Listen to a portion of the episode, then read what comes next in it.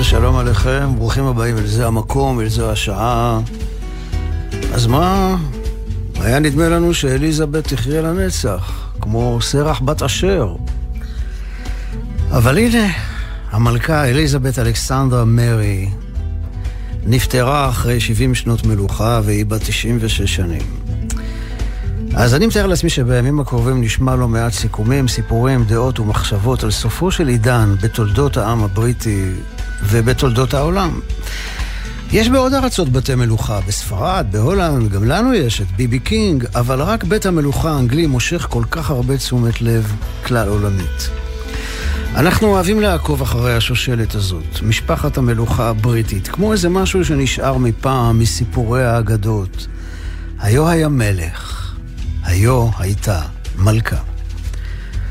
לפני כמה שנים הגעתי לתפילות בבית הכנסת אה, בווסט המסטד שבלונדון, ופגשתי שם את אוברי, הקשיש החייכן עם הענבה הצבעונית ופרח בדש הבגד. הוא היה בן 95 והיה צלול ומלא שמחת חיים. והוא סיפר לי שהוא זוכר את ההכתרה של אליזבת, זה היה ב-1952. אני לא זוכר את זה כי זה היה שנה לפני שנולדתי. אבל מה שאני כן זוכר, ממש זוכר טוב, כשהייתי בן 14 או 15, הביטלס, ג'ון פול, ג'ורג' ורינגו, קיבלו אות הוקרה מלכותי מהמלכה אליזבת בארמון בקינגהם, ושמועה שהגיעה לגבעתיים ידעה לספר שהם ישנו שם בשירותים לפני הטקס חומרים לא חוקיים. Majesty's a pretty nice girl, but she doesn't have a lot to say. Majesty's a pretty nice girl, but she changes from day to day. I wanna tell her that I love her a lot, but I gotta get a belly full of wine. Her Majesty's a pretty nice girl, someday I'm gonna make her mine, oh yeah, someday I'm gonna make her mine. Oh yeah. זה, הקטע הזה, הר מג'סטי, כן, הוד רוממותה, שמוקדש, שיר קצת אירוני כזה, מוקדש למלכה אליזבת, הוא בעצם אה, סיים את האלבום Abbey Road כהפתעה. אתה לא ידעת שהשיר הזה מגיע, נדמה היה לך שהאלבום הזה מסתיים, התקליט הסתובב, הסתובב, ואז פתאום זה בא. ברשותכם אני רוצה אבל לומר עכשיו כמה מילים על אבא שלה, אבא של אליזבת, קינג ג'ורג', המלך ג'ורג', שיש על שמו שני רחובות ראשיים בתל אביב ובירושלים. הוא היה מגמגם, ביישן ומופנם, והפך להיות מלך כמעט בעל כורחו בגלל שאחיו ויתר על המלוכה לטובת אהבתו לאישה אמריקאית גרושה. וכל השאר הרי מסופר בסרט הנפלא נאום המלך, ובסרט נוסף, השעה האפלה ביותר, שמתאר את מאבקו של צ'רצ'יל בהיטלר במלחמת העולם השנייה, יש סצנה לילית בלתי נשכחת, ואני בדקתי והסתבר לי שזה סיפור אמיתי. המלך, קינג ג'ורג', מגיע באישון לילה לביתו של צ'רצ'יל, זה דבר חריג ולא מקובל. המלך יוצא לבד מהארמון באישון לילה, בלי מלווים, בלי שומרים. הוא דופק בדלת הדירה של צ'רצ'יל, וצ'רצ'יל יושב באותו רגע בחדר שלו בלבוש מרושל, חולצה פתוחה, שותה וויסקי, מלא חשש וחרדה ממה שהולך לקרות, ואשתו נכנסת ואומרת לו, שים עליך משהו, יש לך אורח, מלך אנגליה. המלך ג'ורג' בא לתת תמיכה חד משמעית בקו הלא מתפשר של צ'רצ'יל, שבניגוד לאחרים בממשלה ובפרלמנט, כמו צ'מברלין ותומכיו, הוא לא היה מוכן לחתום הסכם שלום עם היטלר, הוא אמר זה כמו לעשות הסכם עם השטן. אז באותה פגישה לילית, קינג ג'ורג' אומר לצ'רצ'יל שהוא לגמרי איתו, הוא מציע לו לבדוק מה העם חושב, הוא אומר, אנחנו חונכנו בבית המלוכה תמיד להקשיב לרחשי הלב של העם. צ'רצ'יל קם בבוקר ובדרכו לפרלמנט נכנס לרכבת התחתית, עולה לקרון, אנשים שם בקרון מאוד מופתעים לראות אותו, ואז הוא אומר, מה? מה אתם כל כך מופתעים? אף פעם לא ראיתם ראש ממשלה ברכבת תחתית? ואז הוא בודק שם, אחד-אחד, מה הם אומרים, הוא מגלה שכולם תומכים בו לגמרי, ובאותו היום אחרי נאום חוצב להבות בפרלמנט, הוא מצליח לשכנע את כולם שם ללכת בדרכו ולא לחתום הסכם שלום. עם היטלר, כן. וממש לפני שבוע, שמעתי איזה סיפור על המלך ג'ורג', גם סיפור אמיתי. אנחנו נוהגים לומר שבימים האלה, ימי אלול, המלך בשדה. זה ביטוי של חב"ד. כלומר, המלך, כלומר, הקדוש ברוך הוא, יוצא מארמונו אל השדה. הוא יותר נגיש בזמן הזה, יותר קרוב מבדרך כלל. והנה בהתוועדות לכבוד יום הולדתו של רבי דוד כץ היקר מלונדון שהגיע לביקור בארץ, אבא שלו עמד וסיפר שבזמן מלחמת העולם השנייה אה, הצליחו בדרך לא דרך להבריח כמה עשרות ילדים מגרמניה ופולין לאנגליה. והילדים התגוררו יחד בעיירה אחת, שאני לא זוכר את שמה, והנה יום אחד קינג ג'ורג' הגיע לביקור אל העיירה הזו במכונית השרד שלו, הוא חלף ברחוב, נופף מבעד לשמשה אה, לאנשים שעמדו בצידי הכביש והמשיך הלאה בלי לעצור. אחד מהילדים היהודים קפץ לכביש, רדף אחרי המכונית. השומרים ניסו להדף אותו, אבל המלך ביקש שיעצרו את הרכב ושאל את הילד מה העניין. והילד אמר, שני דברים. קודם כל אני רוצה להודות לך שנתת לנו כאן מקלט. יפה מאוד, אמר המלך ג'ורג', ומה עוד? והילד אמר, אני רוצה לבקש ממך שתדאג שגם הוריי יגיעו לכאן. המלך רשם את השמות שלהם, נסע לדרכו, וראו זה פלא, אחרי כמה חודשים, הוא הצליח להביא גם את ההורים של הילד לאנגליה. זהו, אתם מבינים, אמר האבא שלו, רבי דוד, המלך בשדה. לא להתבייש, לרוץ אחריו, להתעקש, לבקש מה שרוצים, ויהי רצון שתעזו שעת רצון.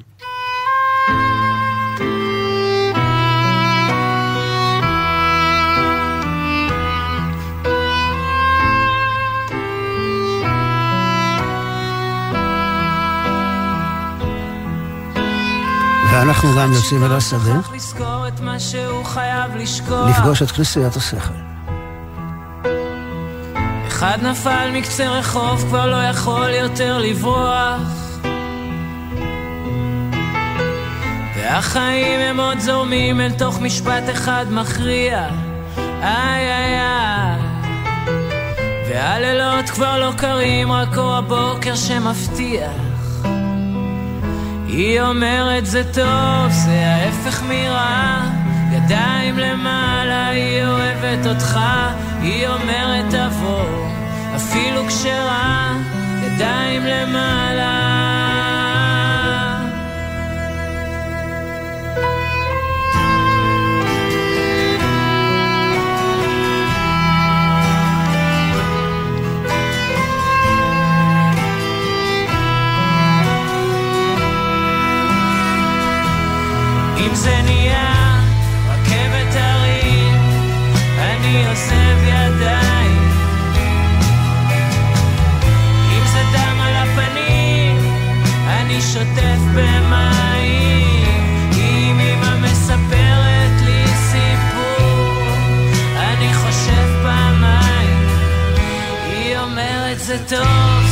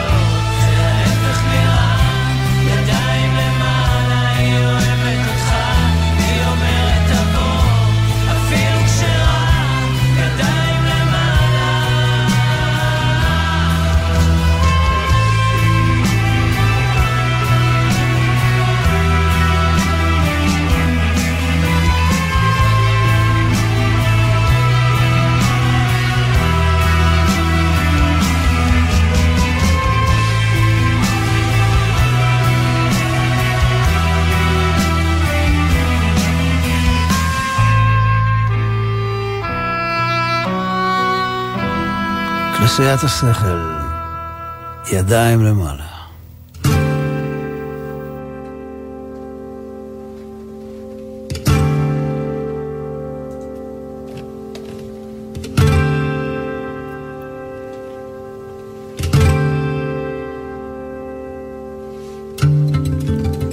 השבוע מלאו 30 שנה ליציאתו לאוויר של אה, האלבום השלישי שלי, שהגיע אחרי הפליטים וקרוב, וקראתי לו השלישי. בתחילת שנות התשעים, בדירתו של ידידי יוסף סלע המספר ברחוב גאולה בתל אביב, שמעתי שיעור מרתק מפי הרב מוטי גל, זיכרונו לברכה, על הספרה שלוש, שתמיד הייתה יקרה לליבי, כי אני נולדתי ב-31 לשלישי 53. הוא דיבר על שלושת האבות, אברהם, יצחק ויעקב, על החוט המשולש שלו במהרה ינתק, על שלושת צלילי האקורד, על שלושת הרגלים, שלושת התפילות היומיות, על שלושה דברים העולם עומד, וכידוע, כל דבר בצה"ל מתחלק לשלוש. באותם ימים אני הייתי שקוע בכתיבת השירים לאלבום השלישי, וחשבתי שזה השם המתבקש והראוי לו, פשוט, השלישי. אנחנו גרנו אז בדירה שכורה בקומה רביעית בשכונת בורחוב בגבעתיים. היה לי חדר עבודה קטן שהשקיף אל חורשה של עצים גבוהים, והחדר הזה היה בשבילי כמו חללית קטנה, שאיתה עפתי אל מקומות אחרים ואל זמנים אחרים. עבדתי בשעות הלילה המאוחרות, אחרי שאשתי והבנות הלכו לישון. כתבתי שירי געגועים. שעת לילה מאוחרת, כולם מזמן הלכו לישון. הבלדה על דוד ושאול בהשראת הסיפור התנ"כי ובהשראת מאמר של רבי נחמן מברסלב על כוחו המרפא של הניגון. מרבי נחמן נשאלתי גם את המשפט, אם קלקלת, אתה יכול גם לתקן לשיר אל תפחד, שגם הוא נמצא באלבום הזה השלישי. השיר הזה נפתח בצלילי פעמונים שהקלטתי מעל מיטתה של בתי הקטנה שהייתה אז בת כמה חודשים, ואפשר לשמוע אותה ממלמלת לעצמה בקול מתוק. בין השאר כתבתי על רותי, האישה הבודדה וקשת היום, שהייתה שכנה של החברים שלי יוסף וצביקה בנחלאות שבירושלים, וקראתי לה פלורנטין, שכונה שאת הקסם שלה גיליתי באותם ימים. אלה היו הימים של אחרי מלחמת המפרץ, ובחוץ עדיין השתוללו כלבים משוגעים. גשם ירד ללא הרף, והרחובות היו מכוסים בשכבת קרח. הייתי דג מעושן, והלכתי לאיבוד, בים הזמן. בגלגול, בגלגול אחר, רדפתי ציפור, אך היא חמקה לי אל מעבר לים השחור. כתבתי על ברברה, המתנדבת האירלנדית מהעיירה ניורי, שהגיעה לשרון התיכון לפני מלחמת יום הכיפורים, ואחר כך נעלמה כמו עשן לפנות בוקר. כתבתי וידוי אישי. החייל הצעיר שהייתי מספר במרפאה הצבאית לבריאות הנפש בתל השומר, מספר לקצין בריאות הנפש על הקושי הגדול שלו להתברג במערכת הצבאית. כתבתי גם את הסיפור המוזר על יצחק שן זהב שמואל ורבקה גור אריה. אולי כמוהם קיוויתי גם אני למצוא ברק מבזיק בתוך החשיכה שיעביר אותי לממד אחר. כתבתי שיר הזיה אורבנית מוטרפת שנשלח כמכתב לסגן ראש העיר. ובינתיים, השחר התחיל לעלות, ואז יצאתי לחלון לראות את האור הראשון.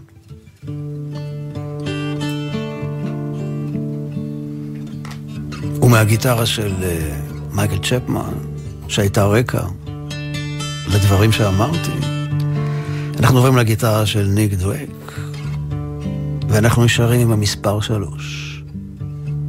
השיר הזה נקרא שלוש שעות, three hours. האזנה טובה לכולכם.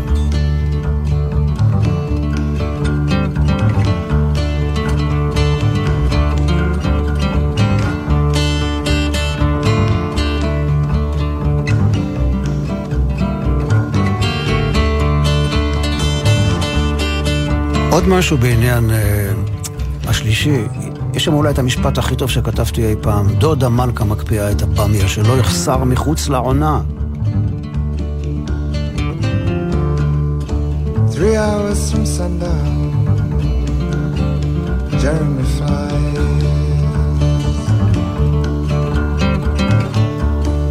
Hoping to keep the sun from his eyes.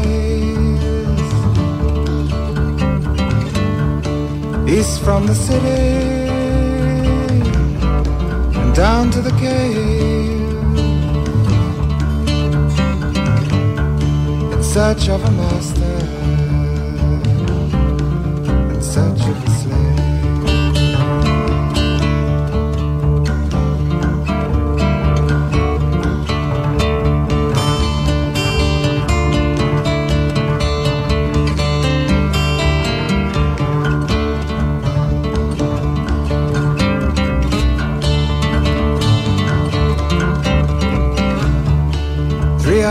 from London, Giacomo's free. Taking his woes down to the sea. In search of a lifetime to tell when it's home. Search of a story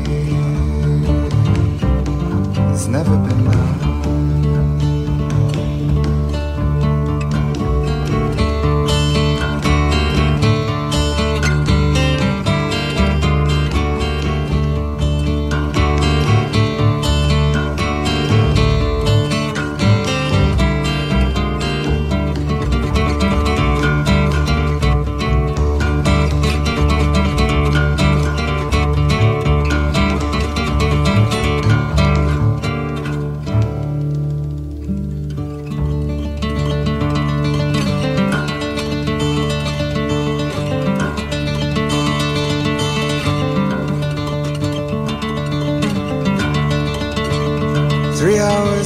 Speaking, everyone's flown. Not wanting to be seen on their own. Three hours is needed to leave from the mall. Three hours to wonder.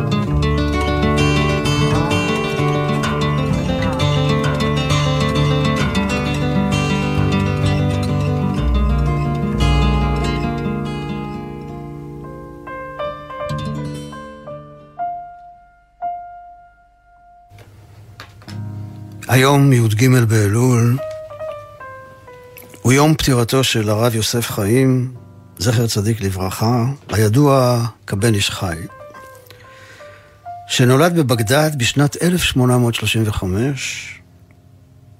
מספרים עליו שהוא היה בן שבע, הוא נפל לתוך באר עמוקה תוך כדי משחק, וניצל. כשהוא היה בבור הוא נדר שהוא יצא מהבור, הוא יקדיש את כל חייו ללימוד תורה. ילד בן שבע. וזה מה שהוא עשה. וכבר בגיל צעיר הפך להיות גאון גדול בתורה, ובהלכה, ובהגדה, ובקבלה. ואחרי, כשאביו נפטר, הוא הפך להיות המנהיג הרוחני של קהילת בגדד ועיראק. את הדרשה הראשונה שלו לפני הציבור הוא אמר ביום י"ג באלול, יום פטירתו, כן, שהיה אחרי הרבה שנים. זה היה בתום השבעה על אבא שלו, ומאז הוא הנהיג את קהילת בגדד במשך 50 שנה. הוא היה דורש מדי שבת לאחר תפילת מנחה לפני אלפי אנשים, והדרשות האלה נחשבו נפלאות מאוד, ויכלו להימשך עד שלוש שעות. הוא היה משלב בשיעור על פרשת השבוע הלכות, דברי אגדה וסיפורים. בהקדמה שלו לספר ההלכות הידוע שלו, אה, הבן איש חי, מציין שהדרשן צריך להביא דברי אגדה ומוסר כדי למשוך את לב העם. באביב של שנת 1869 הוא יצא למסע בארץ ישראל, ביקר בגליל, פקד את קברו של בניהו בן יהוידע, פקד את הציון של רבי שמעון בר יוחאי, עליו כתב את הפיוט הידוע ואמרתם כה לחי, שנשמע בלי נדר עוד מעט. אחר כך המשיך לירושלים, למד עם תלמידי ישיבת המקובלים בית אל, ואחר כך ביקר בחברון. כשהוא חזר לבגדד הוא הביא איתו עפר מארץ ישראל, פיזר אותו על רצפת בית הכנסת שבו התפלל, וגם אבן מירושלים, שהוא שם אותה בראש כותל המזרח שבבית הכנסת. בשנת התרס"ח, כלומר 1908, נסע הרב יוסף חיים לקבר של יחזקאל הנביא, שם חיבר את ספרו מראות יחזקאל. כעבור יותר משנה יצא שוב לקברו של יחזקאל הנביא, אך לא הגיע למחוז חפצו, כי בדרכו תקפה אותו מחלה, וביום י"ג באלול 1909 נפטר מן העולם הזה והוא בן 75 שנה. אהרונו הובא לעיר בגדד, ליוו אותו רבבות מחסידיו, תלמידיו וגם פלוגת פרשים ממלכתית. במשך כל ימי השבעה שלו הוכרז בעיר בגדד, הוכרזו ימי אבל. הרבה חנויות ובתי עסק, גם של לא יהודים, נסגרו. עם מורנו ורבנו הרב חיים כהן זצ"ל, החלבן, היינו נוהגים לקרוא בספר ההלכות הבן איש חי כל שבת לפני המנחה. היינו יושבים קרוב אצל רבנו בפינת בית הכנסת. כל אחד מהנוכחים היה קורא פסקה אחת, והייתה זו שעת רצון. הספר מחולק לפי פרשות השבוע. בפרשת השבוע שלנו, כי תצא, הבן איש חי מדבר בין השאר על האיסור לגנוב את דעת הבריות, אפילו בדברים קטנים. וכך הוא אומר, פה בעירנו בגדד, נשים ערביות מביאות כלים מלאים חלב חמוץ, שקוראים בערבית לבנה ובלשון אחרת יוגורטי, כדי למכור. ואנשים, דרכם לטעום תחילה באצבעם לדעת אם הוא טוב או לא טוב, ואחר כך קונים. אך יש בני אדם שאינם רוצים לקנות כלל, ומראים עצמם כאילו שרוצים לקנות כדי לטעום מכל כלי וכלי. ואחרי כל טעימה וטעימה אומרים שלא ערב להם, והולכים, ואין קונים כלום. והרי זה עושה איסור שגונב את דעת הבריות וגם גזל בידו, אף על פי שתואם דבר מועט. כן, ככה הבן איש חי מגן על הסחורה של הנשים הערביות בשוק של בגדד. את ההקדמה לספר, הבן איש חי מסיים הרב במילים האלה. כה דברי הצעיר, המצפה לתשועת השם והבוטח ברוב רחמיו וברוב חסדיו, יאיר עיניי בתורתו, תורת חיים. אנחנו עם משה חבוש, דוד מנחם ויוני שרון, עם הפיוט ואמרתם כל אחי שכתב הרב יוסף חיים, הבן איש חי. כל אחי ואמרתם כל חי, רבי שמעון בר יוחאי. ואמרתם כל חי, רבי שמעון בר יוחאי.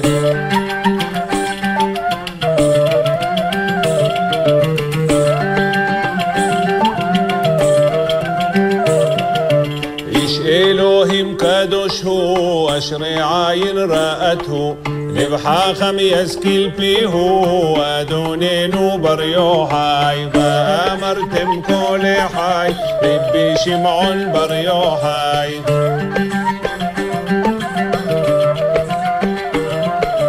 ברוך הוא מפי עליון, קדוש הוא מריון, מאור גליל העליון, אדוננו בר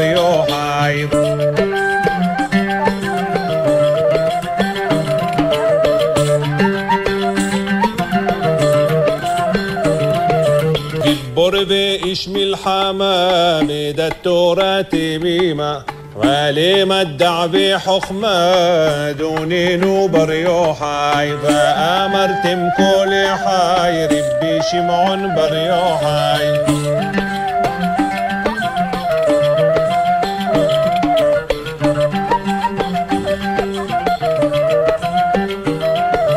شالوم ربع المشكاب وما يفيو وما טובו, דובר אמת בלבבו, אדוננו בר יוחאי, ואמרתם כל חי, רבי שמעון בר יוחאי.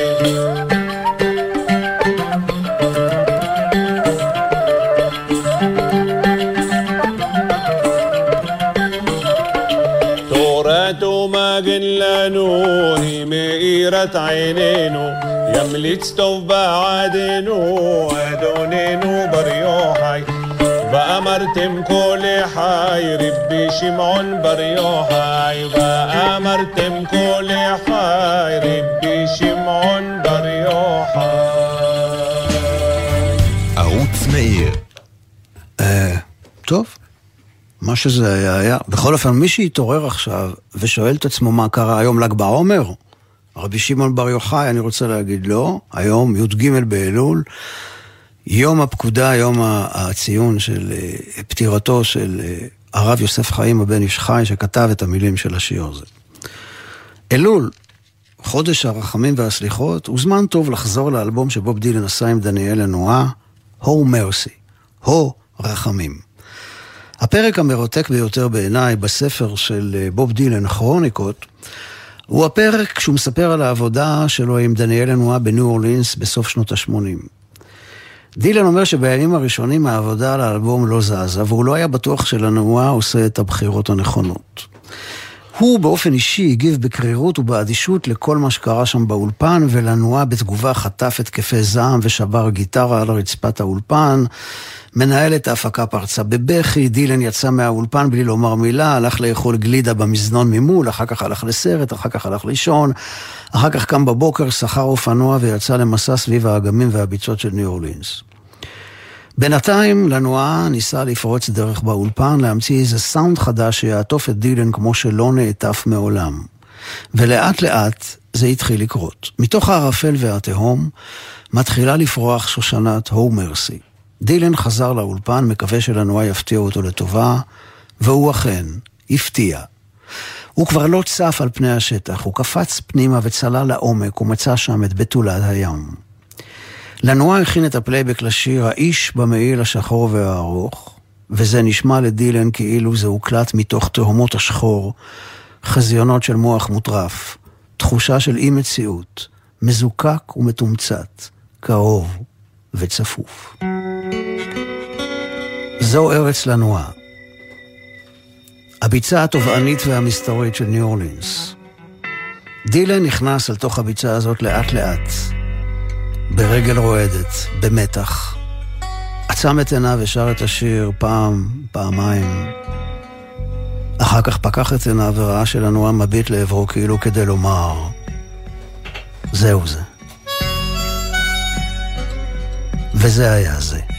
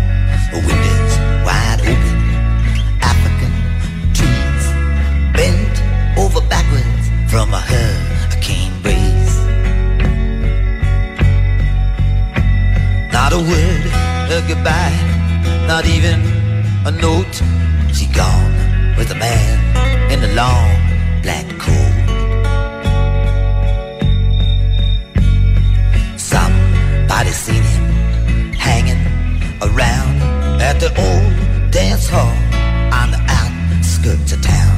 He looked into her eyes when she stopped him to ask if he wanted to dance. He had a face like a mask. Somebody said from the Bible he'd quote, there was dust on the man in the long black coat.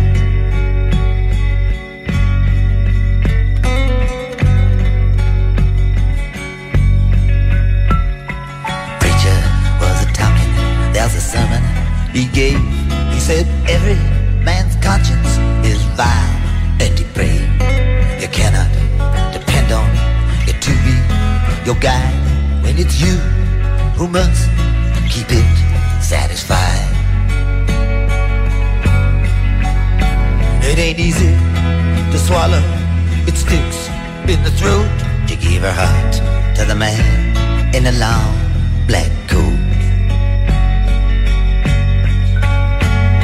There are no mistakes in life, some people say, it's true sometimes. You can see it that way. But people don't live or die, people just float. She went with the man in a long black coat.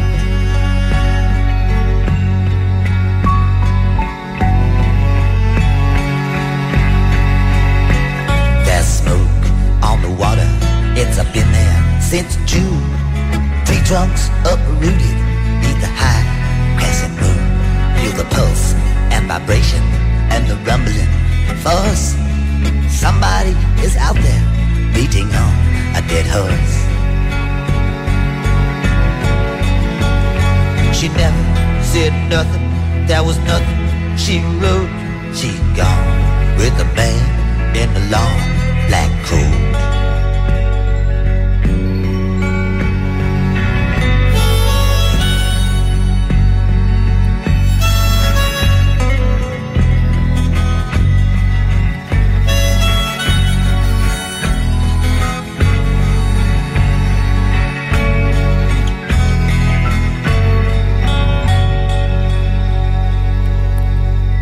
יש משהו לילי ובודד בצליל של האלבום הזה, הו מרסי. רוב השירים נכתבו בלילה, ככה דילן מספר, הוקלטו בלילה, וגם אם זה הוקלט ביום, באולפן האפל היה, הייתה תחושה של לילה. לפעמים אני שומע את דילן באלבום הזה כמו אדם שקם בחצות הלילה לעשות תיקון חצות אישי, או לשיר סליחות לבדו, בקול שבור במנגינה קטנה שחוזרת על עצמה, חצי דיבור, חצי המהום, כאילו מדבר אל עצמו. השיר הבא שנשמע, What was it you wanted, מה היה הדבר שרצית, נכתב בלילה ומהר.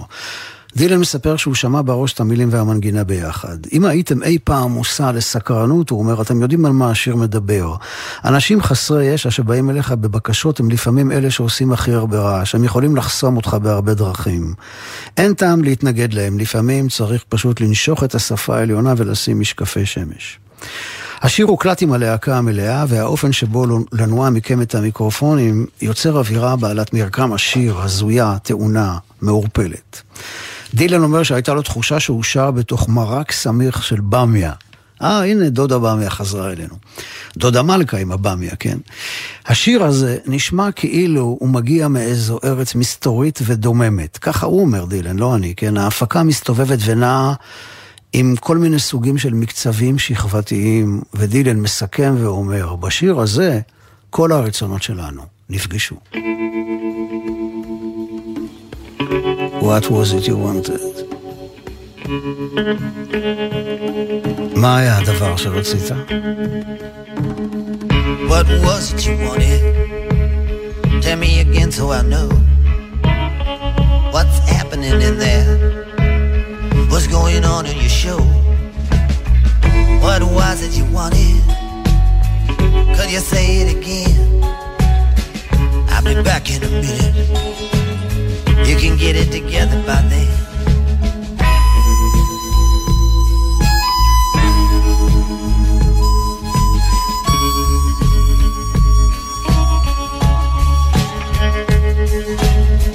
What was it you wanted?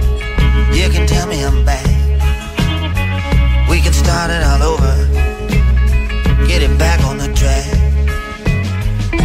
You got my attention. I'll go ahead, speak. What was it you wanted? When you were kissing my cheek.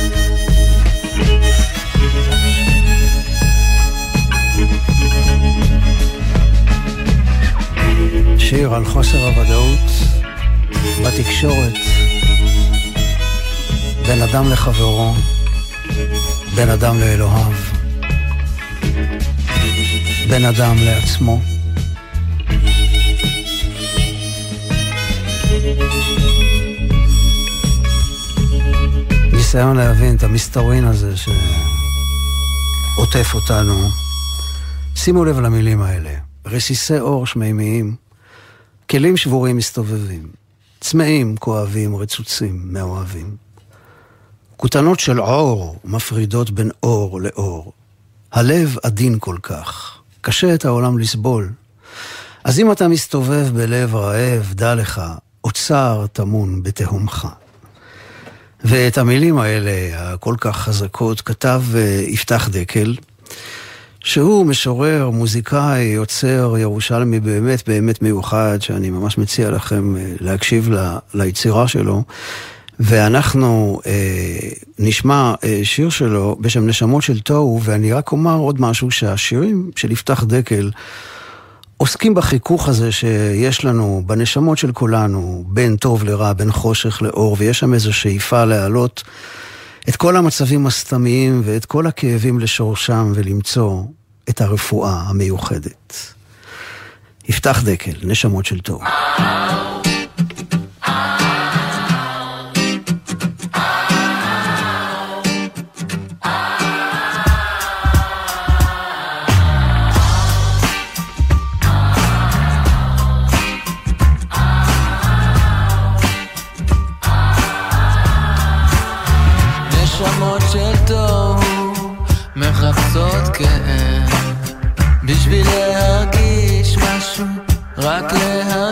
להרגיש משהו, נשמות של טוב, מחפשות כאב, בשביל להרגיש משהו, בשביל להרגיש משהו.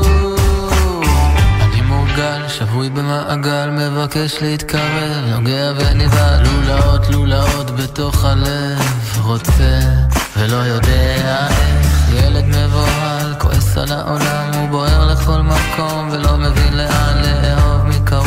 אי אפשר.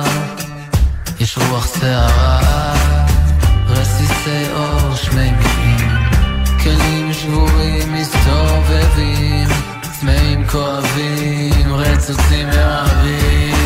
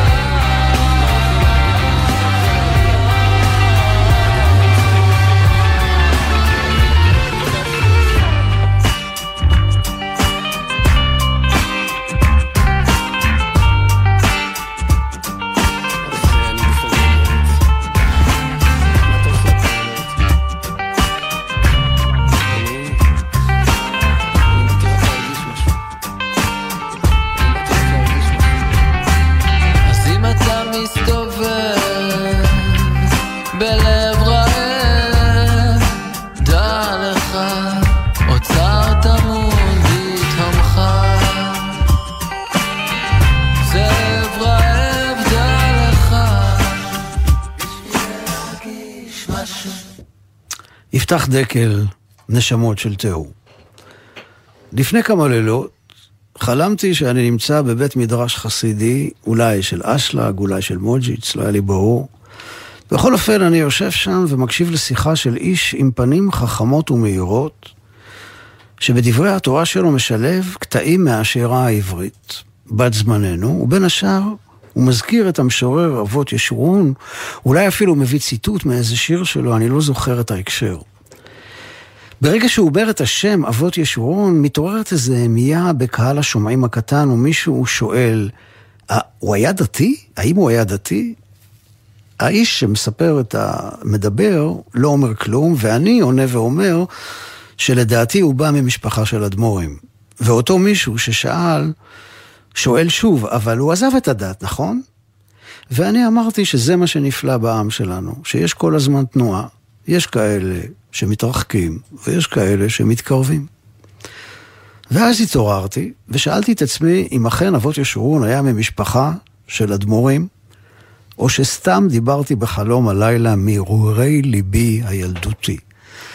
זה, החלום הזה היה בשנת הצהריים של שבת, של שבוע שעבר, וחיכיתי עד צאת שבת, ואז בדקתי ב... כן, יש היום כל מיני אפשרויות, ויקיפדיה ודברים כאלה, ומצאתי שאימו של אבות ישורון, שמה היה רייקל, הייתה בת למשפחת האדמו"רים שפירא. ועוד מצאתי שבתקופה האחרונה לחייו, אבות ישורון התחיל לבקר בשבתות בבית מדרשו של האדמו"ר ממוג'יץ, שהיה אז ברחוב דיזינגוף 36 בתל אביב. הוא התקרב מאוד לאדמו"ר, בעל האמרי אש, ובשבוע האחרון לחייו של אבות ישורון, הוא ביקש מאחד הסידים של האדמו"ר למסור לו שהוא חזר בתשובה, בתשובה שלמה.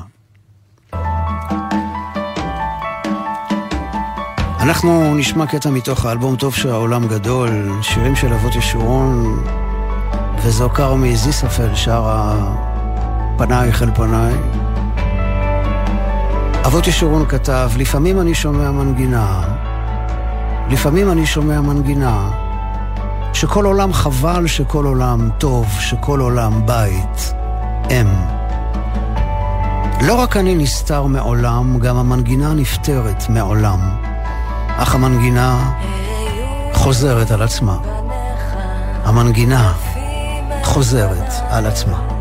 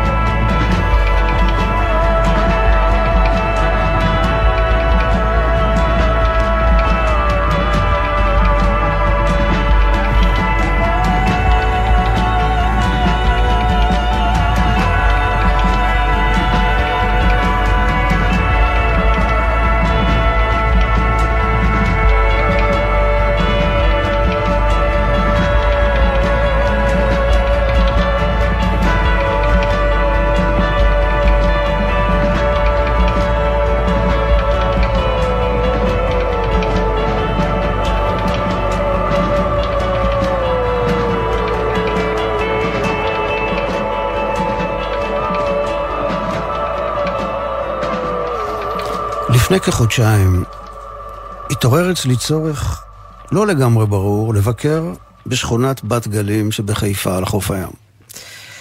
הייתה לי תחושה שאולי מצפה לי שם תשובה לשאלה עמומה שמדי פעם שאלתי את עצמי, בעיקר בזמן שאני חולף בחיפה תחתית בדרך, אה, בדרך, בדרך כלל בדרך להופעה. השאלה הזאת אולי קשורה לאיזה חלום שחלמתי פעם על מבנה מסתורי עתיק שמסתתר שם בים, וגם לסיפור המוזר של אדם בשם עמי אחראי שסיפר על מפגש שלו עם חללית של חוצנים בכניסה לחיפה, מפגש ששינה את חייו. אז בוקר אחד, לפני כחודשיים, נכנסתי למכונית ונסעתי לשכונת בת גלים.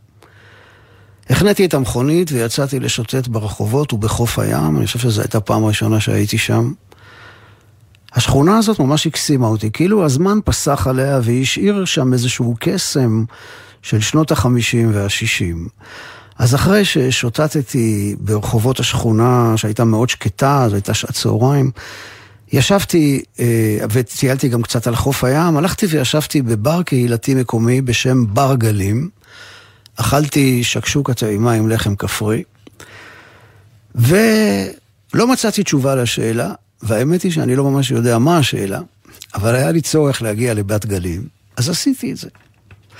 עכשיו אני חושב שאולי אני אזכיר שם איזה בית קטן או דירה על החוף, עדיף בחורף. אשב שם, אתבונן בשקיעות בים התיכון ואכתוב את תולדות חיי. בכל אופן, יצאתי מבר גלים ובדרך למכונית צילמתי שתי תמונות של שלטים שראיתי שם ברחוב. שלט אחד של בית הכנסת הספרדי הכללי, זה השער לאדוני לעילוי נשמת הצדיק והקדוש זצ"ל יעיש אבו עזיז. והשלט השני, ממש מהצד השני של הרחוב, הסנדלריה של חצקל, 1947-2001, בבעלות סנדומיר יחזקאל ושושנה, זיכרונם לברכה, והשכנים כהן, מימון ורחל, זיכרונם לברכה. נכנסתי למכונית ונסעתי, משאיר מאחוריי את תעלומת בת גלים לא פתורה, אצטרך כנראה לבקר שם שוב. והנה, ממש אתמול, גיליתי שהמקום הראשון בארץ ישראל אליו הגיע אבות ישורון, היה חוף בת גלים בחיפה. זה היה ב-14 לאוקטובר 1925, תאריך שהפך להיות משמעותי וכמעט קדוש בחיים של אבות ישורון. בשמחת תורה, תרפ"ה, הוא ירד מהאונייה ג'יאנקילו אל חוף בת גלים שבחיפה. סירות משוטים היו מגיעות מן החוף, מתקרבות לאונייה, ספנים ערביים היו מורידים את הנוסעים לסירות ומביאים אותם אל החוף. אבות ישורון, ששמו היה אז יחיאל, עלה מהסירה אל החוף כשאיש לא מצפה לו על הרציף. על החוף הכי עני, על חוף טרשים, כוללת אותנו בת גלים, כוללת אותי. עזבתי את הכל, חסרתי את הכל. להם מצאתי מציאות, מצוקה. היו בך שיחי צבר, אכלתי מפריים, וקוציותיו ניתנו בי לימים רבים, קוציותיו אכלתי, אכלתי. הייתי כמעט נער, שפכת עליי פיל השמש. עזבתי את ביתי כמי שנותח, ולא חזרתי אל ביתי. עזבתי את ביתך כמי שנותח, וחזרתי אל ביתך. חזרתי, חזרתי. ואנחנו גם חוזרים אל יום השבת, שהולך ומתקרב אלינו. אני רוצה לומר תודה לאור יריב על הניהול הטכני, תודה רבה לאור עזרן על ניהול ההפקה, תודה לכם על ההאזנה. ואנחנו, כן, פרשת כי תצא, י"ג באלול, שיהיה לכולכם סלמת של שבת, כל טוב.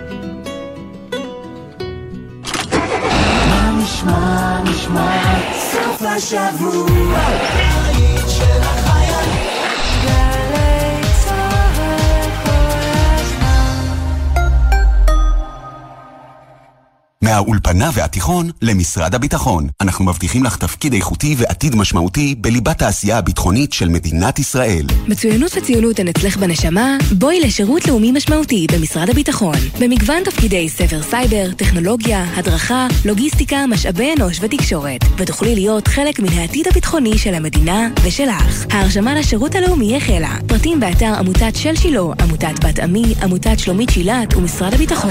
שירות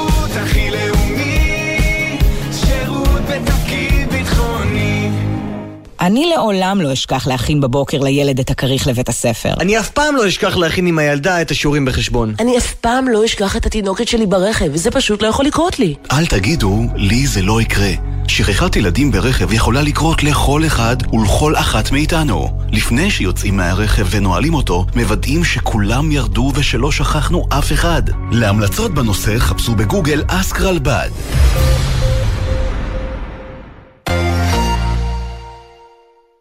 כל שבת ב-10 בבוקר, יורם סוויסה לוקח אתכם למסע מוזיקלי. והשבוע, מסע עם רן דנקר. אני מספר ככה על התחושה הזאת של ילד שרץ במגלצ'ה ונותן נשיקה לשלי, ואז גם מבין שהוא גם קצת מתעורר מול בנים בעצם, אבל מאוד מאוד מאוד שומר את זה בבטן, ובכלל... למה? פחדתי, תשמע, אתה יודע, אם אתה לא חי בשלום ובקבלת המקום שלך, אז זה משאיר צלקות. מסע עם יורם סוויסה, מחר 10 בבוקר, ובכל זמן שתרצו, באתר וביישומון גלי צה"ל. שישי בשש, סוף סוף קצת שקט. אפשר לשמוע ציוץ של ציפור, רשרוש של עיתון, נחירות של שנץ, אבל כדאי לשמוע את שש בשישי.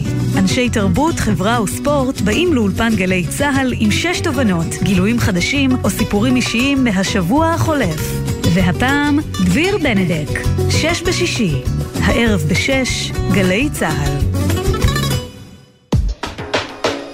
מיד אחרי החדשות, יהורם גאון, עם גאון ברדיו.